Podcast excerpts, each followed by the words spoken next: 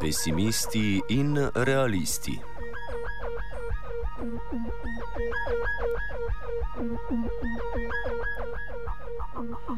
Asimptotično se bližamo dnu, točki bifurkacije, kot bi rekel Immanuel Wallerstein. To je, še slabše bo, preden bo še slabše. Pametni morajo biti na to vnaprej pripravljeni. Moj nasvet pa je rusojevski. Naj se vrnejo k svoji zemlji, aktivirajo do zdaj zanemarjene nive, travnike. Kdor ima denar, naj si kupi kmetijo in naj jo aktivira, kajti v krizi celo zlato ne bo zaleglo. Treba bo skrbeti za osnovne potrebe, treba bo enostavno preživeti. Večina ljudi ignorira eksponencialno krivuljo in konec te hokejske palice. To sta zanikanje in optimizem. Optimizem pa je prijetna oblika neumnosti.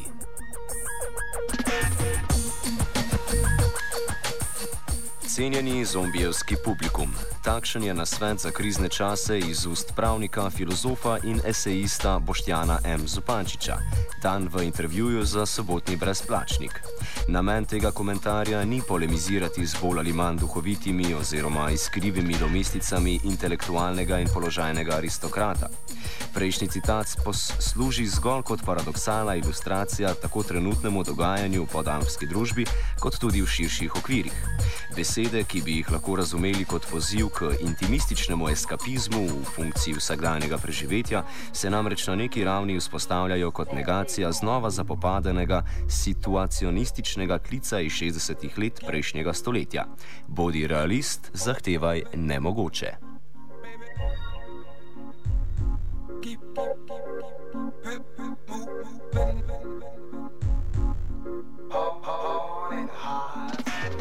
V tem kontekstu nas zato lahko, če solato pustimo ob strani, opogumlja vsaj dejstvo o ponovnem oživljenem zanimanju civilne družbe za politično. V primeru sedanje generacije mladih za hitro in uporabniške namene poimenovano generacija Y se celo zdi, da ne gre za pogrevanje starih konceptov, ampak da smo s pomočjo novih komunikacijskih orodij priča avtonomnemu in izvirnemu ustvarjanju polja političnega.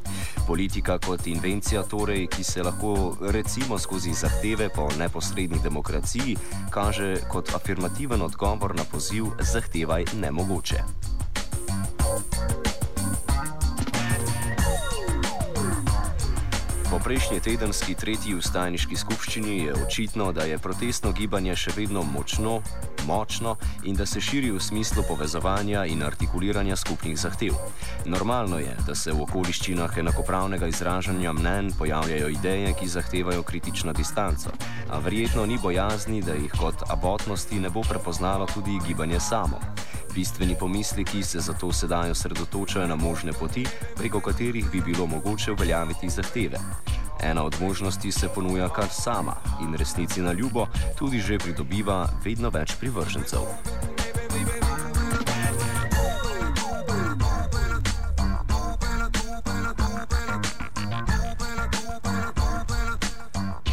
Govor je seveda o oblikovanju politične stranke in o pohodu skozi institucije po zgledu protestnih gibanj 60-ih let.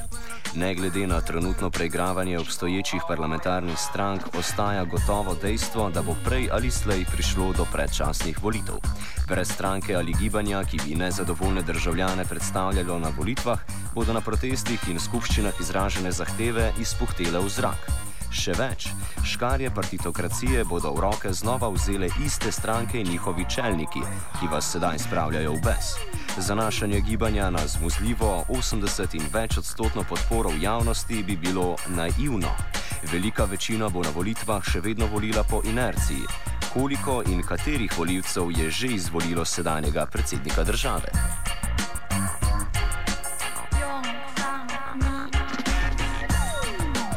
Protestno gibanje je šele na začetku poti morebitnega vstopa v polje parlamentarne demokracije.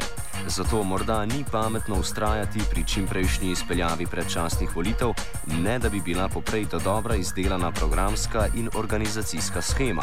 Spomnite se sicer dobronamernega, a nemarno izpeljanega nastopa na prejšnjih državno-zborskih volitvah v režiji takrat na novo nastale stranke, ki prav zaradi neizkušenosti in rokohitrstva v Ljubljani ni bila sposobna niti pravilno vložiti kandidatne liste.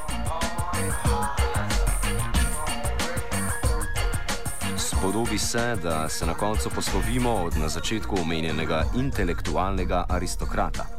Na vprašanje, kje vidi Slovenijo čez 20 let, odgovarja, da se veseli, ker takrat ne bom več med tistimi, ki bi tlačili zemljo. In še citiram: Revolt še ni revolucija, revolucija pa ne more biti brezidejna in brez resne ideologije. Domet raznih vseslovenskih ustaj je majhen in difuzen. Konec citata.